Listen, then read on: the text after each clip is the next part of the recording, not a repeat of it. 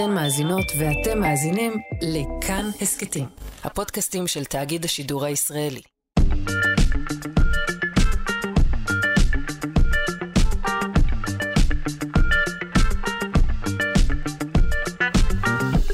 שלושה שיודעים.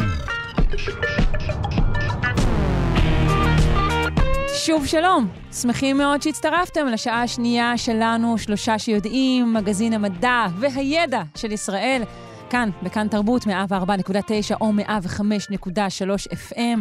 נודה שוב אה, לוורד שפירא, שהייתה איתנו אה, בכל השעה הקודמת.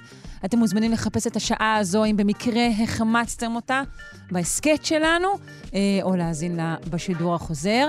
אה, בשעה הזו נדבר על המבצע המדהים להסטת האסטרואיד.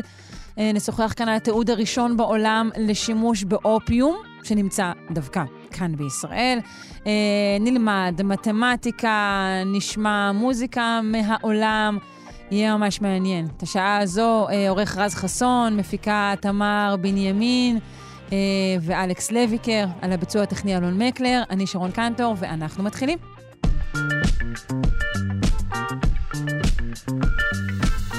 Wow. Four, three, two, one. Oh my gosh. Oh, wow. Awaiting visual confirmation.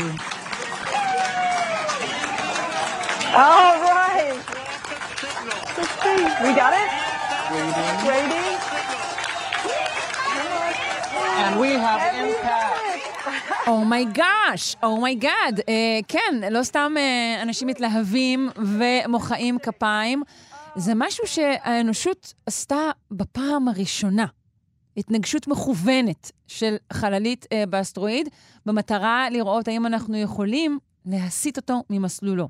ככה אני חושבת, אבל נשמע יותר על האירוע הזה מהדוקטור דוד פולישוק, אסטרופיזיקאי ממכון ויצמן למדע. היי, בוקר טוב. בוקר אור. בוקר אור. אז קודם כל, המבצע הזה הוכתר בהצלחה, כפי ששמענו אה, ב- ב- בשמחה והצהלה הזו, נכון?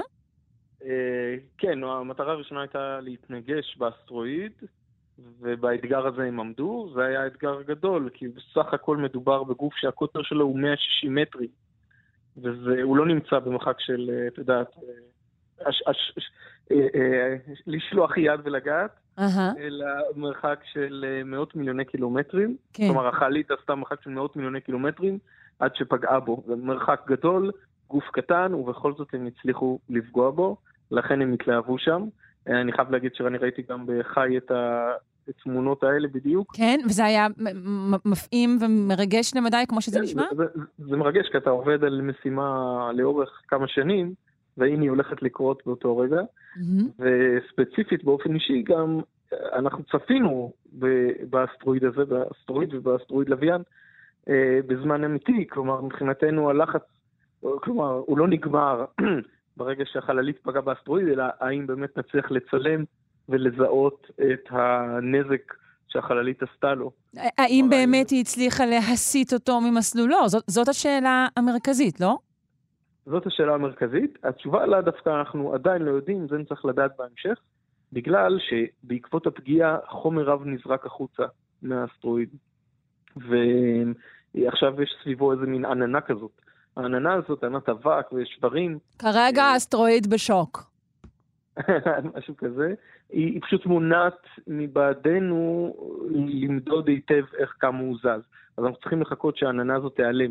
לכן אנחנו ממשיכים לצפות, למעשה עכשיו את מדברת איתי שאני הולך לישון אחרי לילה של תצפית, אה, וואו. בשבילכם אני הכל. אה, ולכן אנחנו ממשיכים לעקוב אחריו כדי לראות עד מתי העננה הזאת מסתלקת. אנחנו זה, אנחנו- זה אתה, נכון? וגם ערן אופק איתך? אה, כן. אה, הוא כבר הלך לישון, ברור, ברור, כן. כן, לא, לא עכשיו כמוך חזר שאתה מחזיק. בשבילנו. ורגע. ובכל העולם צופים ומודדים, ו- או שזה רק אצלנו? לא, אז היתרון של כדור הארץ הוא כדור והוא מסתובב, ולכן כל פעם מישהו אחר יכול אה, לשאת, ב, לשאת בנטל. אה, אה, רצה הגורל, והפגיעה נעשתה כש, כאשר אצלנו היה לילה, Mm, שתיים ורבע לפנות בוקר, שעון ישראל. לכן ארצות שנמצאות, או צופים שנמצאו בקו האורך שלנו, בישראל, באפריקה, צפו באירוע, ועמיתינו, נאמר, באמריקה הצפונית והדרומית, המתינו עד, שה, אה, עד שהלילה הגיע אליהם, ויותר מאוחר הם התחילו לצפות, ועכשיו כבר לילה שני צפינו בו מפה, וכיוצא בזה. וככה אנחנו נעקוב אחריו, גם נחכה שהעננה הזאת תתפזר, שזה כשלעצמו אגב מעניין, איך יש תמונות מתאימות, איך הענן הזה מתפזר, אה, ובהמשך כאמור, האם הצלחנו להסיט אותו או לא. רגע, האופן שבו הענן מתפזר, בעצם על, על מה הוא בדיוק מצביע, או מה הוא מתאר? קודם כל אנחנו רוצים, האמת שגם חלק מהשאלה, כמה אנחנו מצליחים לדחוף את האסטרואיד, והשאלה הזאת לגבי הענן, קשורה למבנה של האסטרואידים האלה. אסטרואידים קטנים הם לא איזה גוש סלע, אלא אוסף רב של אבנים ושברים וחול ואבק, שדבוקים ביחד, אפשר לדמיין את זה כמו מעין ערמת חצץ שדבוקה ביחד בעזרת כוח הכבידה. בגלל mm, שזה הם גופים, אוקיי. הם גופים, הם זה, גופים זה, קטנים, כוח... אוקיי, זה לא בעצם גוש, אחד, זה לא גוש אחד, מה שאנחנו לא, מדמיינים זה... לא. אוקיי. Mm-hmm. וזה גם מה שרואים יפה בתמונות של החללית, שהיא מתקרבת. רואים אין ספור אבנים כאלה קטנות, אין שם איזה... הדבק שמחבר אותן זה כוח הכבידה, ועבור גוף כזה קטן, 160 מטר, כוח כבידה מאוד מאוד חלש. לכן את אה, נותנת מכה, מכה חזקה עם החללית הזאת, הדברים מזנקים החוצה, וחלק מהם זינקו במהירות רבה, כן, זה עשרות מטרים בשנייה, והעננה הזאת, או האיג'קטה הזאת, שצפינו בה, זה היה מדהים לראות את זה ב-15 דקות אחרי הפגיעה, שראו אפילו בטלסקופים, טלסקופים פה על כדור הארץ, שנמצאים, כן, מרחק של 11 מיליון קילומטר מה, מה, מה, מהאסטרואיד, כלומר עד כדי כך האבק הזה הושלך רחוק מה, מהאסטרואיד. אז רגע, אחת, אז תקן, יש... אותי אם אני מנסחת משהו לא נכון. אז, זה לא, אז נכון שהתוצאה היא להסיט אותו ממסלולו, אבל בעצם פגיעה כזו באיזשהו אופן משנה טיפה את, את המבנה שלו, את ההרכב שלו? אז, אז ההרכב כנראה לא, אבל היא חושפת בפירוש חומר שנמצא מתחת לפני השטח. ואז זה מעניין אה, האם החומר מתחת לפני השטח הוא דומה לחומר שעל פני השטח. איך האבק הזה מתנהג, או, או, או כמה אבק יש ביחסית לאבנים. נראה למשל שהגוף הזה אה, הוא מרובה באבנים ופחות באבק ממש, בניגוד לאסטרואידים אחרים. אה, למשל, אה, יש, לא הזכרתי, אבל החללית שפגעה בו כשבועיים לפני הפגיעה, היא השליכה מין איזה... קופסת נעליים כזאת נוספת, מין לוויין שהשתרך אחריה וצילם את הפגיעה, וממנה יש גם כמה תמונות, תמונות מעטות, אבל יפות מאוד, שאפשר לראות איך האבק אה, יוצא החוצה, אבל בצורה שאנחנו לא מכירים מהן, נראה כמו קורי עכביש כאלה, זאת אומרת, תמונות ממש, אה, ממש מרשימות. הפיזיקה של גופים, נאמר, עם כבידה מינימלית, פתאום נחשפת בניסוי כזה. עבורנו זה אפילו ניסוי שמאפשר לנו להבין את ההתנגשויות של אסטרואידים, זה דבר שקורה להם באופן טבעי, הם מתנגשים אחד בשני. כלומר, לא, לא מדובר רק בניסוי כן. שרדותי, אלא גם בניסוי פיזיקלי מעניין בפני עצמו. לגמרי, לגמרי, זה, סוג של התירוץ שלנו. אה, כן, של המדענים שחוקרים אסטרואידים. והאסטרואיד הזה אה, ספציפית בכלל, המסלול שלו היה, הוא היה אמור לפגוע בכדור הארץ מתישהו? אה, לא, או לפחות לא בזמן הנראה. לא בזמן שמעניין אותי, אוקיי. כן, בדיוק. אה, כמה שאנחנו צעירים, אפילו זה, לא רלוונטי בזמן החיים הצפוי לנו. אה, האסטרואיד הזה אבל הוא אסטרואיד קרוב ארץ, אז המרחק שלו, המסלול שלו פחות או יותר דומה למסלול של כדור הארץ. אמרתי שהמרחק אליו עכשיו, בזמן הפגיעה, הוא 11 מיליון קילומטרים, שזה כלום יחסית, כן, כן. במערכת השמש. אמ, הוא נבחר אבל במיוחד בגלל שיש לו לוויין, יש לו אסטרואיד לוויין שמקיף אותו, ולמעשה הפגיעה הייתה בלוויין, לא באסטרואיד עצמו. אה. וזה, וזה למה? בגלל שאיך מודדים בכלל את ההסתה הזאת של המסלול? אה, אסטרואיד שמקיף את השמש, אפילו נגיד במסלול כמו של כדור הארץ, ייקח לו שנה להקיף את השמש.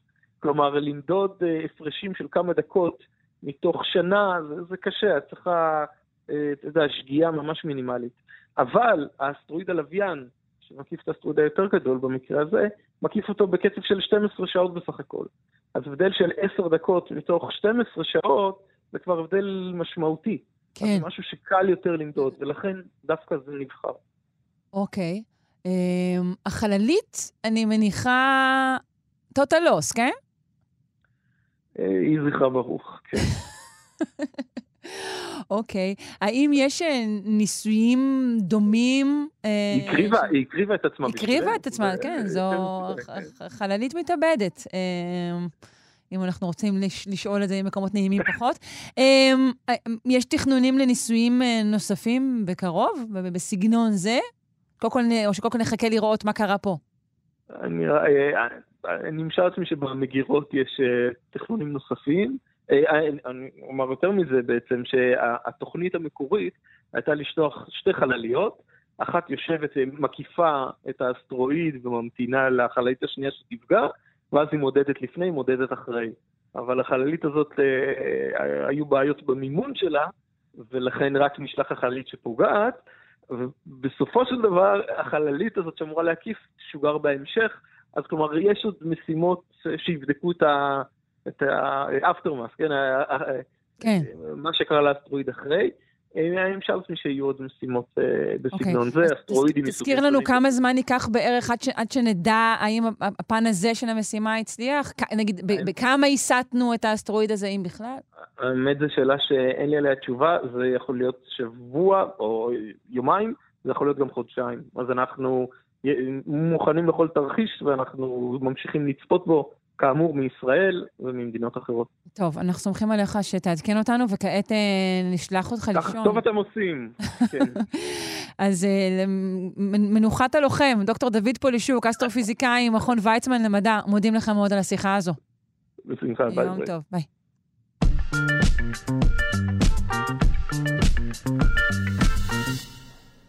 אליזבת השנייה נקברה עם ארבעה תכשיטים.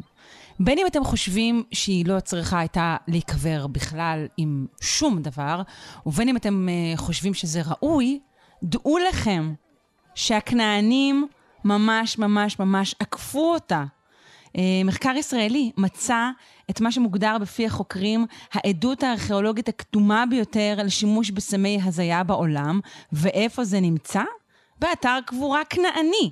אה, נשמע את כל הפרטים מהדוקטור רון בארי מרשות העתיקות. שלום. שלום רב. באיזה אתר מדובר? איפה הוא נמצא? האתר נמצא לא רחוק משדה התעופה הבינלאומי של מדינת ישראל, בפרברי העיר יהוד. אנחנו יודעים שכל האזור שמקיף את העיר יהוד אה, שימש לבית קברות מאוד מאוד גדול, שקבעו בו, אני מעריך, כ-400 שנה לפחות, קברים, מאות קברים כנעניים, והחפירה המדוברת בעצם עוסקת בקבוצה קטנה של קברים שחפרנו ואותה החלטנו לדגום. על אילו שנים מדובר? הקברים הספציפיים שאנחנו דגמנו הם מהמאה ה-14 לפני הספירה. אה, אבל הקברים בכלל בבית הקברות של יהוד הם אה, מתקופה הרבה יותר ממושכת. אה, למע- למעשה כל האלף השני, סוף האלף השלישי והאלף השני לפני הספירה שם קברים מהתקופה הרומית, אבל לענייננו עסקינן בקברים מהמאה ה-14 לפני הספירה. אה, מקביל פחות או יותר למלך המפורסם תות הנחמון שנקבר במצרים עם אוצרותיו אה, ולמשפחתו. אוקיי, אז עד כמה הכנענים אה, בעצם אה, במנהגיהם היו דומים למנהגי הגבורה המפוארים של המצרים? של המצרים. אה, המנהגים של הכנענים לא היו אה, דומים למנהגים של המצרים, זאת אומרת, זה לא היה אחד לאחד מפני שמדובר בדתות אחרות, אבל הם בהחלט העריצו את הדת המצרית וחיפו את המנהגים של המצרים, וככל שהשליטה של מצרים בארץ ישראל הייתה יותר גדולה, מהמאה ה-14 לקראת המאה ה-13, מצרים למעשה כבשה את ארץ ישראל, ואז יש חיקוי הרבה יותר גדול של מנהגי קבורה מצריים. למשל, במנהגי הקבורה המצריים מאוד מאוד חשוב לשמור על השלמות של הגופה. אה, גם לאחר המוות, לא מקובל למשל ללקט עצמות אה, ולפזר אותם בקדר כדי לפנות מקום.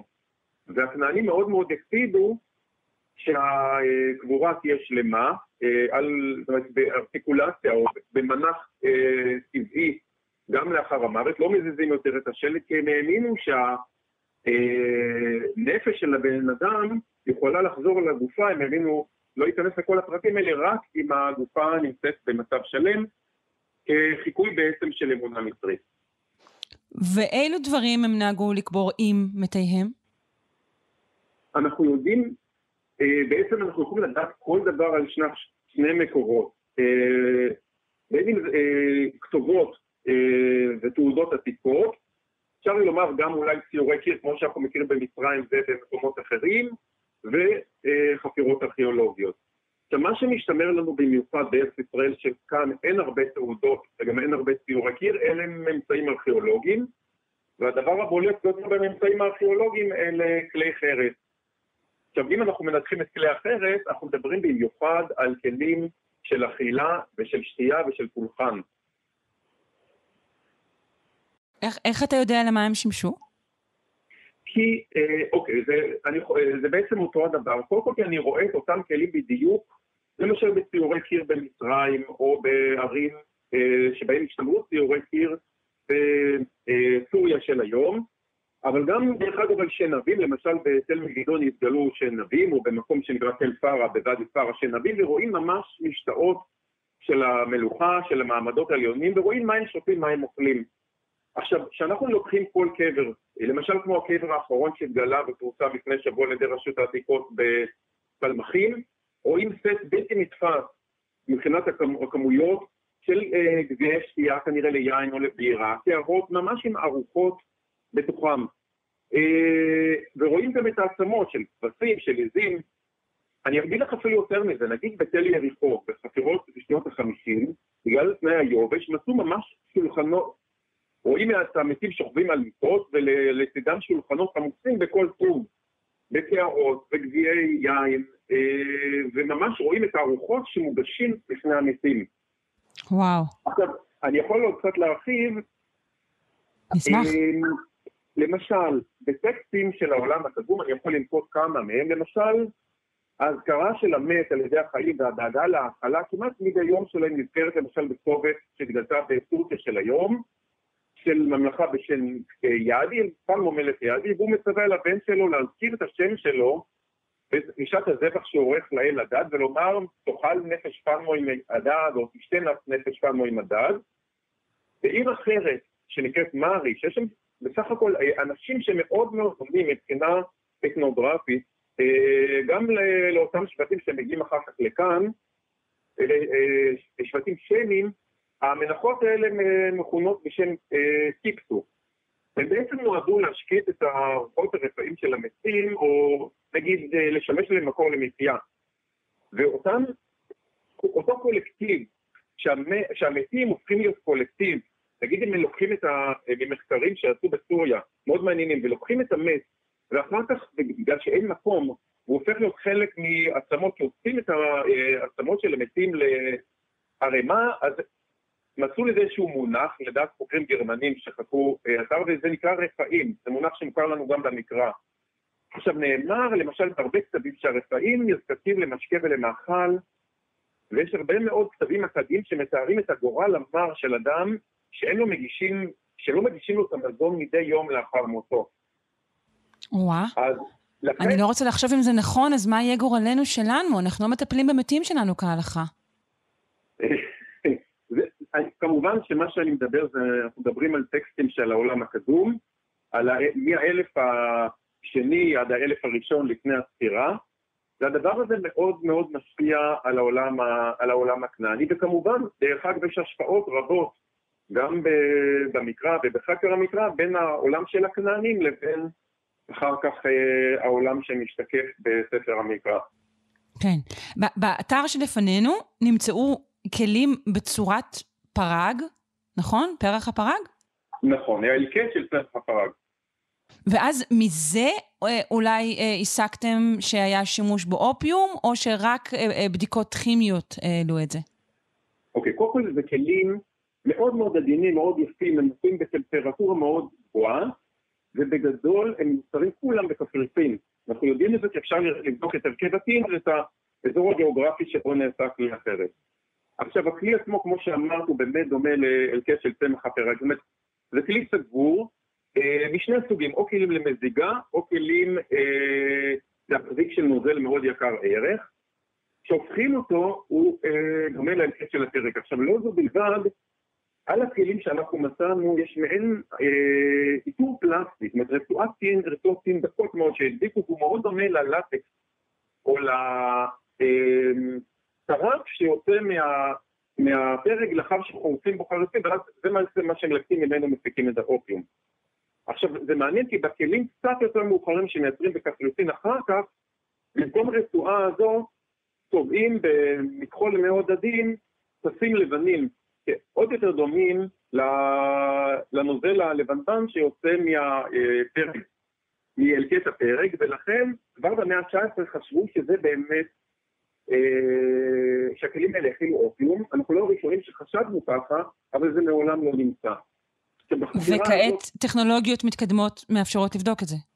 בדיוק. בשנים האחרונות המדע מאוד מאוד מתפתח, וגם מאפשר לנו בעצם לקחת כלי חרס, חרס הוא בעצם כמו ספוג, הוא סופח לתוכו אה, נוזלים או שיירים של מזון, ובתהליך אה, כימי מורכב בעצם אפשר להפריד את המרכיבים האורגניים שלו, וזה תהליך שעושים אותו כימאים, וזה נעשה על ידי שותפים שלנו מאוניברסיטת תל אביב וממכון ויצמן, ובסופו אה, של דבר, כשמרכיבים מחדש את, את אה, כל המולקולות שם, אפשר לדעת איזה סוג של אה, מוצר היה בפנים, ובמקרה הזה הסתבר שהכלים האלה באמת הכילו אופיום, כך שנוצרה זיקה בין הצורה המיוחדת של הכלי, שדומה באמת להיפט של האופיום, לבין ספולתו. אז אוקיי, בוא ניגש לשאלה, למה בדיוק שימש אותם האופיום? מה, היו, מה היה התפקיד שלו? מה היו ההשפעות שלו? האם השתמשו בו אה, לכאורה גם המתים? אה, רק החיים? אז כל מה שאני אומר זה בגדר השערה בלבד. עכשיו, בטקסטים של העולם הקדום, גם ממצרים, גם מעיר כנענית מאוד ידועה בשם עוברית, אנחנו יודעים על החשיבות העצומה ש... אה, נגיד ככה, מין הסכם דואלי שיש בין הקהילה לבין אבותיה המתים. עכשיו, האמונה הייתה, כפי שאמרתי קודם לכן, שחשוב מאוד לדאוג לצרכים הבסיסיים של המתים בתוך הקבר. בתמורה, לכאורה, הרוחות של המתים אמורים לדאוג למשפחה. כביכול לעלות אה, מתוך הקבר ולהגן אה, על המשפחה.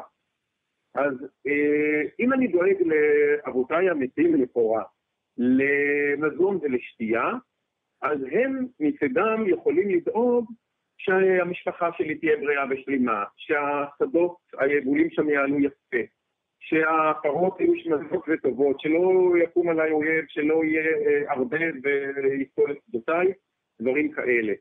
אה, וזה נושא מאוד מאוד מרכזי בעולם האמוני של הכנענים, ולכן אנחנו חושבים שכאן, אנחנו רואים בכל הטקסטים וגם מחותמות גליל, מכל מיני סצנות אה, אומנותיות, שמתקיים סוג כזה של מפגש, שנעשה בטקס, הוא נערך בטקס שמתקיים מעל הקבר, לכן יש הרבה מאוד כלי פולחן מעל קברים. דרך אגב, בשרידי האופיום ביהוד אנחנו מצאנו גם בתוך הקברים, אבל גם מעל הקברים, בכלים שברור, מכיוון שהקבר כבר סגור ומכוסה באדמה, ברור שזה נועד לקרובי המשפחה שקיימו את הטקס בעבורם. עכשיו, אם אנחנו אה, לכאורה מעלים איזשהו רוח של מת בטקס שמתקיים מעל הקבר ומעורב גם בפנים וגם למטה, אה, חומר נרקוטי מעורר הזיה כמו אופיום, ההשערה שלנו שייתכן והחומר הזה שימש בסוג כזה של מפגש כדי ליצור איזשהו תהליך שהוא אה, אה, מיסטי. זו השערה, זה כמובן יכול להיות בדברים אחרים, אבל זה הכיוון שאנחנו אה, שאלנו, אה, שזו בעצם... כן, וזה בגלל ש, שכן יש עוד מקרים כאלו, כלומר זה עניין שהוא לא בלתי נפוץ. נכון.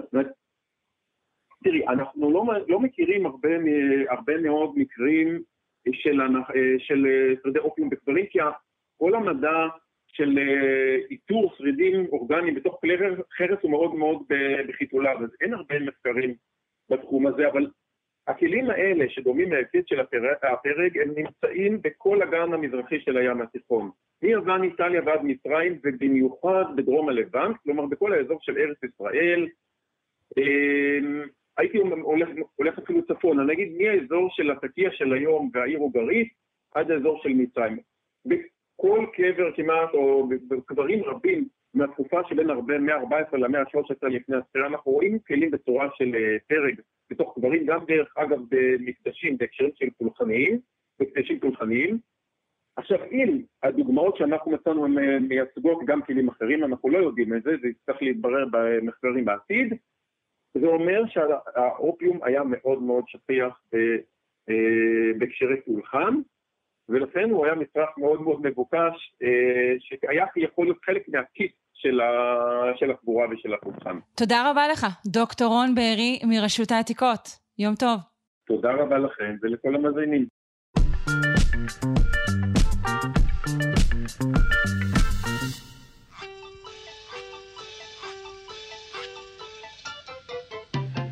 בחשבון זה נכון, אי אפשר לרפרף.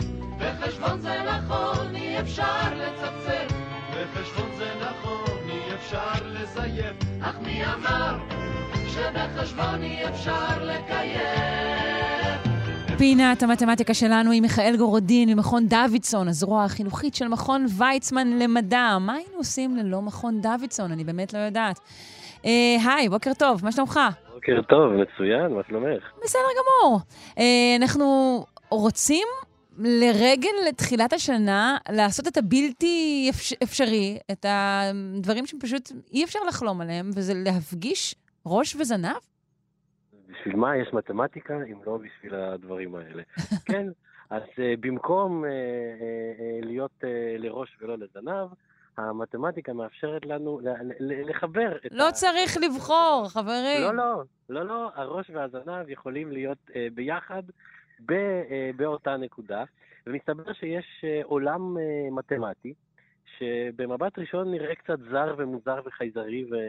ומשונה, שבו אה, אה, אחת הדרכים לדמיין אותו היא באמת אה, לחשוב על כל ישר, ואנחנו לוקחים את, ה, את הראש שלו, שנמצא אי שם באינסוף, בקצה אחד, ואת הזנב שלו, שנמצא אי שם באינסוף, בקצה השני, ומחברים אותם. אנחנו מכריזים שקיימת נקודה, אה, מין נקודת אינסוף כזאת, אה, ששם הראש וה... רגע, רגע, רגע, רגע. מה, אז כאילו מה, יצרתי מעגל אינסופי? כי ככה זה נשמע לאוזניי. במובן, במובן מסוים, במובן מסוים כן. אה, זה, זה, זה צריך קצת... עכשיו, עכשיו זה, זה הרעיון. עכשיו, מה, עושה, מה עושים במתמטיקה? לא, לא, לא מסתפקים ברעיון. צריך להבין אה, שני דברים. קודם כל, אה, או אחר כך, בשביל מה זה טוב, אבל עוד לפני זה, איך, איך אפשר להגדיר את זה, איך אפשר לעבוד עם זה? כי במתמטיקה אנחנו אף פעם לא יכולים לעבוד רק עם האינטואיציות, רק עם הרעיונות. צריך שלדברים יהיה בסיס מוצק. אז מסתבר ש, שמה שנוצר שם זה כמעט מעגל, זה מעגל עם חור קטן. כדי שהעסק הזה יעבוד, בפרטים הטכניים צריך להוציא ממנו איזושהי, אה, איזושהי נקודה, אה, נקודה אחת, ואפשר לעשות, לעשות את זה לכל, ה, אה, לכל הקווים הישרים. כל קו ישר, לקחת את הראש שלו, לקחת את הזנב שלו ולחבר אותם. והדבר המפתיע הוא שהגיאומטריה שמתקבלת ב, ב, בצורה הזאת, יש, יש שם שני דברים מפתיעים. הראשון הוא שהיא עובדת לפי חוקים קצת אחרים. למשל, אנחנו מקבלים עולם שבו כל שני קווים ישרים נפגשים. איפה הם נעזרו? תגידי לי, מה, יש קווים... כן, אני, אוקיי, כן, מה? יש קווים מקבילים. נכון. נכון? הם לא אמורים להיפגש.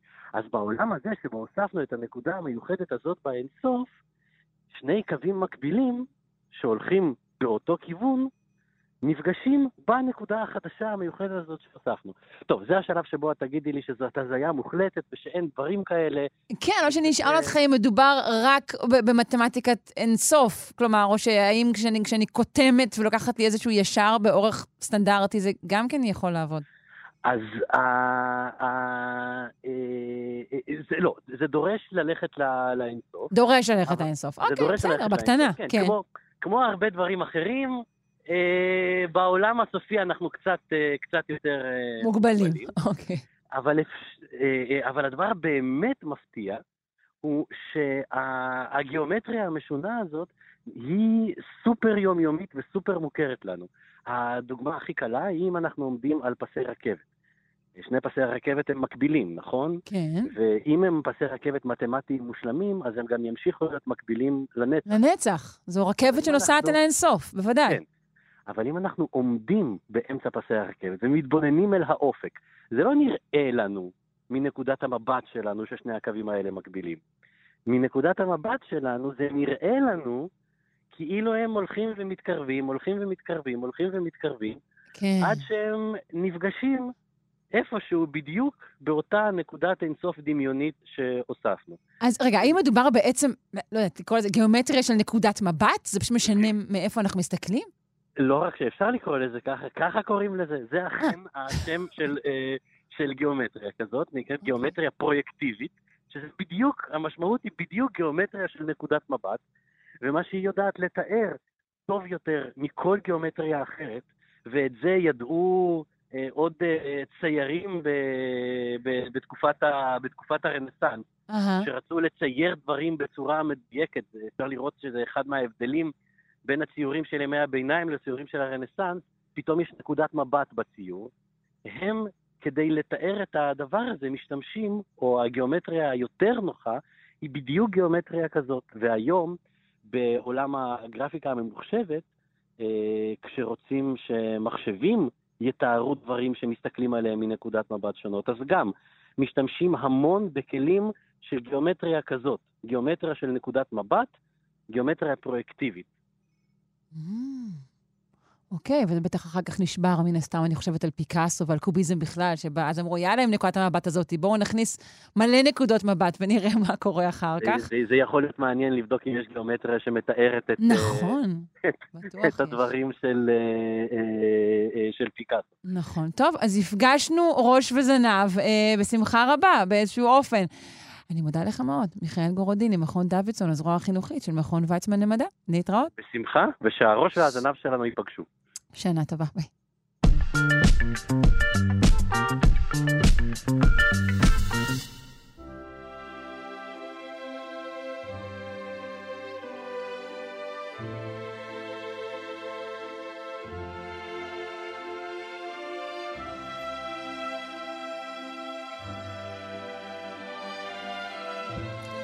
אנחנו עם uh, פינת השירה uh, של רונה ישראל קולט, ווקולוגית ומורה לפיתוח קול למכללת לוינסקי לחינוך מוסיקלי.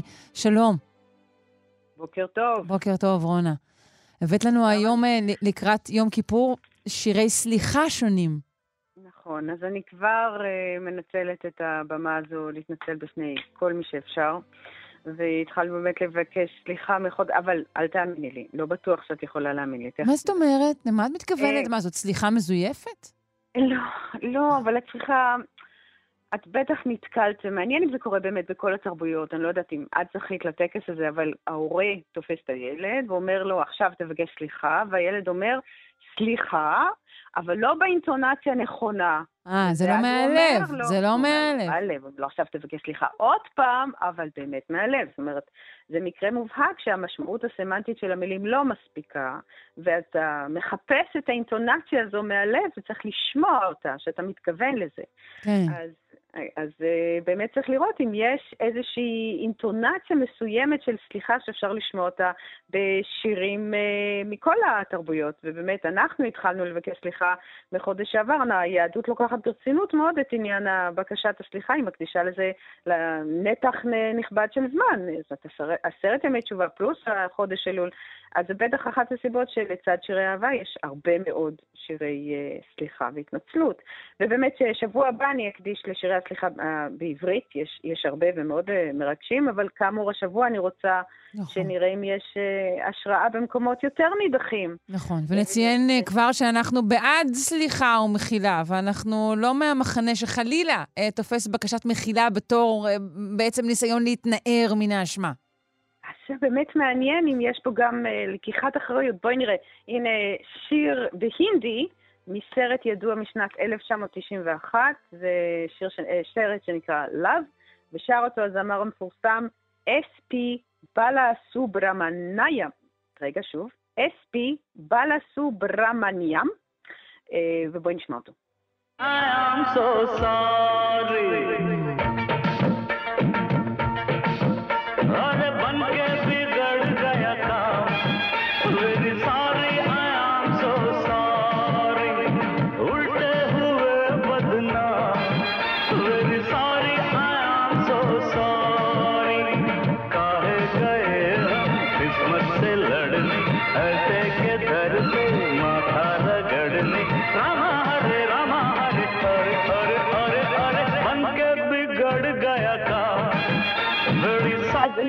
להגיד שהשיר הזה, אני שמעתי אותו כמה פעמים אה, בגלל... קודם כל זה. אדיר, וואו. שיר נפלא. ממש. אה, זמר נהדר. סורי, סורי. אה, אבל רגע, זה, את אומרת, זה שירי סליחה מתרבויות שונות, זה נשמע אבל די מעורבב, מה ששמעתי פה.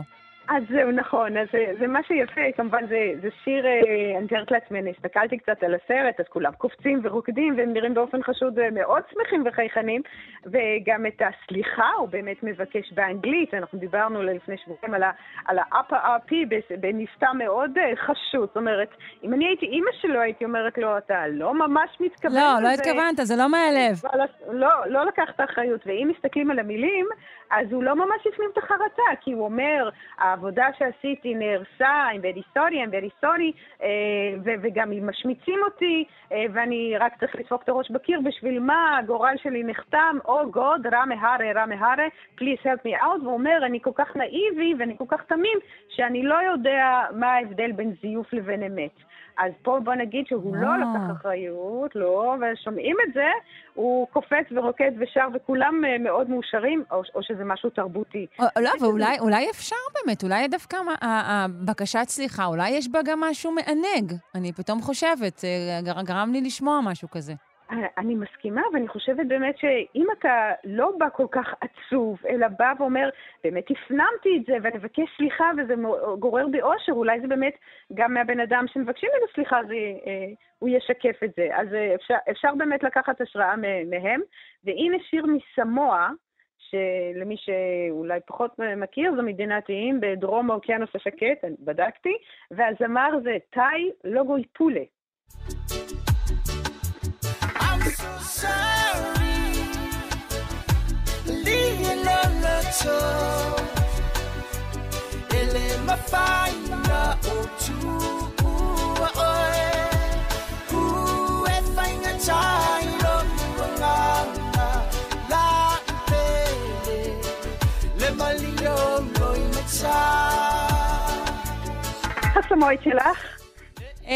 אחר, אני אגיד לך, במקרה שמעתי אתמול פודקאסט שעוסק בהשפעת העברית על הסמואית, אז, אז היא מאוד השתפרה. אה, מסתבר וואו. שיש כמה וכמה מילים מהתנ"ך שנכנסו לסמואית, אבל אני לא אעשה כאן פרסומת לפודקאסט הזה, שכן, אה, יכול להיות שלא יסמכו פה. רק אנחנו וואו. קיימים, שלושה שיודעים. אה, מרגש שזה מתחבר, לא כן, ידעתי כן, כן, ששמעת פודקאסט. לגמרי. אבל זה, זה, זה, זו לא הייתה סמ- סמואית, זה היה אנ- אנגלית שוב, לא? I'm, I'm so sorry. אז זהו, את ה-I'm so sorry, מה שיפה זה שגם הוא וגם בהינדי את ה-I'm so sorry הם אומרים באנגלית. זה איכשהו, זה איזשהו מטבע לשון אולי... טוב, זה כמו. סורי כזה, כשאומרים כזה, לא, בין ילדים, וואי, סורי, כאילו. לא, בדיוק, בדיוק, גם בסמואית, למרות שלא הבנתי, אני לא, לא הקשבתי לפודקאסט, לא ידעתי מה הוא אומר מעבר לזה, כן הצלחתי לנחש מה, מהאיטיות שהוא אה, שר על מערכת יחסים, ובאמת שאלתי את הזמר ברשת, והוא אמר, כן, סליחה בסמואית זה fa'amagalo a'u, והתרגום זה מילים לא יכולות להביע את כל מה שאני רוצה להגיד. Baby girl, אני מאחל לך כל טוב, למחוק את כל הכאב. אומרת, רגע, רגע, כן שאלת את הזמר עצמו? כן, כן, השקעתי. וואו, רונה, איזה. תחקיר. נכון, אני לא יודעת סמואית, נהדר. אז הנה. וזה זה גרוב סמואי נפוץ, הרגעי סינת' פופ הזה ששמענו? אז זה... בדיוק, זה יותר שמלץ מערבי, אני חושבת, איזשהו באמת שעטנז כזה של אה, כל השירי הסליחה המערביים שיש. אה, זה לא אה, גרוב סמוי, אה, מסורתי, כן. אבל אני גם, אבל- אני דנתי את ה, גם את הסליחה הזו לסוג של אה, חובה. אני גם לא הרגשתי שזה מהלב. אני כבר בפעמיים פה לא, לא מאמינה לסליחות אבל של רגע. רגע, יש כאן משהו, דווקא יש כאן את ה...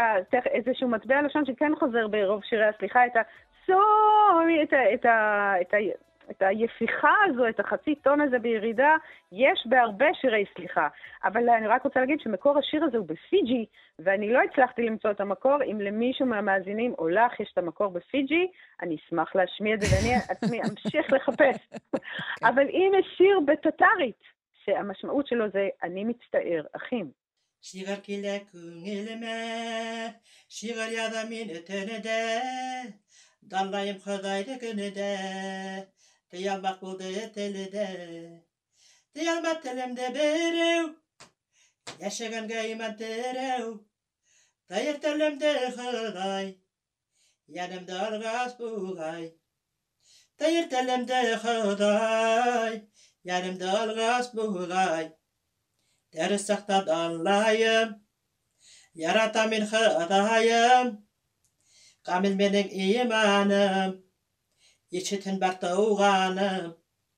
Helge tilleyim havlık, tilleyim tatılık. Kötü dua kılamın, bıyıkık oturamın. Kötü dua kılamın, bıyıkıp. טוב, זה לא, מאוד יפה. מאוד יפה. כן, אני כן. בעיקר מאוד אוהבת את ההקלטה הביתית הזאת, אולי אפשר להגיד. נכון, נכון. אה, אז קודם כל, טטרית זאת שפה, סוג של שפה טורקית, נכון? בדיוק. כשאני רציתי לתרגם את זה, אז כמובן גם טטרית שלי לא משהו, אז באמת אה, המכונות תרגום ישר אמרו לי, זה טטרית, אבל התרגום זה נותן לי טורקית. אז זה אומר, אני מצטער אחים, ודווקא זה, הוא, הוא לא מערכת יחסים, הוא באמת שיר דתי יותר. ואם אתם תסתכלו בר- ברשת על מישהי בשם גוזל איסקנדרובה, איסקנדרובנה, אתם תשמעו אותה, היא בתלבושת טטרית, והיא לקחה ספר ליד, והיא, אה, בוא נגיד, מתפללת. אה, או מתפללת או שרה את השיר סליחה הזה שאני מצטער אנשים או אני מצטער אחים, שיש לו באמת גוון יותר דתי, והדתיות של זה, הפולחניות של זה, היא באמת זה מהחזרתיות. זה משהו שאפשר אולי לנחש, כן. שבאמת ה- מדובר בפולחן, ואחרי שמישהו בא לדלת שלך ו-11 דקות שר את זה, את אומרת לו, אוקיי, אוקיי, בסדר, סלחתי." סלחתי לך. כן. אה, אז באמת, אה, למרות שאני אקדיש את כל הפינה הבאה לשירי סליחות בעברית, אני רציתי להשמיע פיוט סליחות מהעדה הכורדית ששר החזן רמי עבדיה, וזה עשה למען שמך. עשה למען תורת החסד, למען אברהם יצחק ויעקב, עשה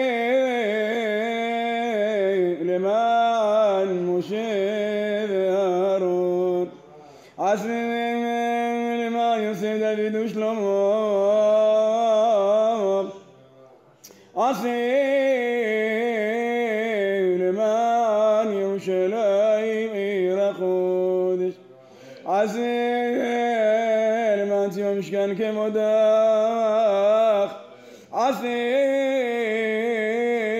למען חורבן ביתך, עשה אז באמת אני חושבת, גם כן, הוא זמר, יש, יש לו קול כל כך יפה, הסגנון הזה, הפיוט סליחות בסגנון הכורדי, הוא כל כך יפה, שאני, מה שהוא יגיד, אני, אני סלחתי לו, ואפשר באמת לקוות שגם אה, הקדוש ברוך הוא מאזין לשירה היפהפייה הזו, ו- וזה פותח גם לו את, ה, את הלב, אה, הלב האלוהי. אז הז- הזכרת באמת את את הסלסול שהוא שהוא אופייני לס- ל- ל- לכל סוגי הסליחות? ה- מה אמרת, ירידה של החצי טון? היפיכה? כן, יפיכה. כן, היפיכה במנגינה הזו, את החצי טון או הרבע טון בירידה, וכמובן שהוא הוא מגדיל לעשות והוא מסלסל סביב המוטיב הזה, אבל אין ספק שה... שזה בא מהאינטונציה של הדיבור, זה בא מה, מהבקשת סליחה מהלב, שהילד יגיד את, ה, את הסליחה, את, ה, את ההישענות הזו, את היפיכה בקול, שאתה ישר מזהה שיש בזה משהו אותנטי.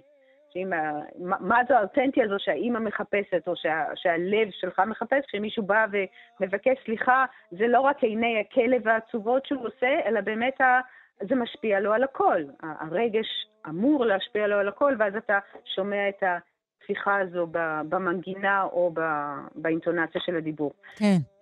אז באמת רציתי, יש כל כך הרבה שירי סליחות באנגלית, את בטח... אה, כן, אמרנו מעניין שאת שאר הקטעים העבריים אה, נייחד להם פינה שלמה בשבוע הבא. נכון. ועם מה נסיים היום? כן, אז יש כל כך הרבה שירי סליחות נפלאים, אה, I'm sorry, כל כך הרבה, אה, אז באמת ייקח הרבה יותר מעשרה ימים להשמיע אותם. אז אה, בחרתי שיר שמסכם את כולם, את All Apologies של נירוונה. וואו, טוב, אה, שיר מעולה לסיום. אני חושבת שאולי ירשו לי לשמוע אפילו נתח גדול ממנו. אה, טוב, אנחנו לא נדבר, נדבר כרגע על סגנון השירה של קורת קוביין. את רוצה להגיד על זה משהו? את- אני, אני חושבת שהכאב שלו חוצה את כל, ה, כל מה שהוא יגיד. אני חושבת, הוא נשמע שהוא מבקש סליחה מעצמו, או סליחה עתידית מכל מה שהוא יפגע בהם בעתיד. יש, יש לו איזשהו אה, כאב חוצה באיך שהוא מדבר, ולכן גם בחרתי את, ה, את השיר שלו. אבל בואי אה, ניתן לו לדבר ושכל אחד יחליט. רונה ישראל קולט, ווקולוגית, המורה לפיתוח קול המכללת לוינסקי לחינוך מוזיקלי. נשמע את All Apologies. תודה.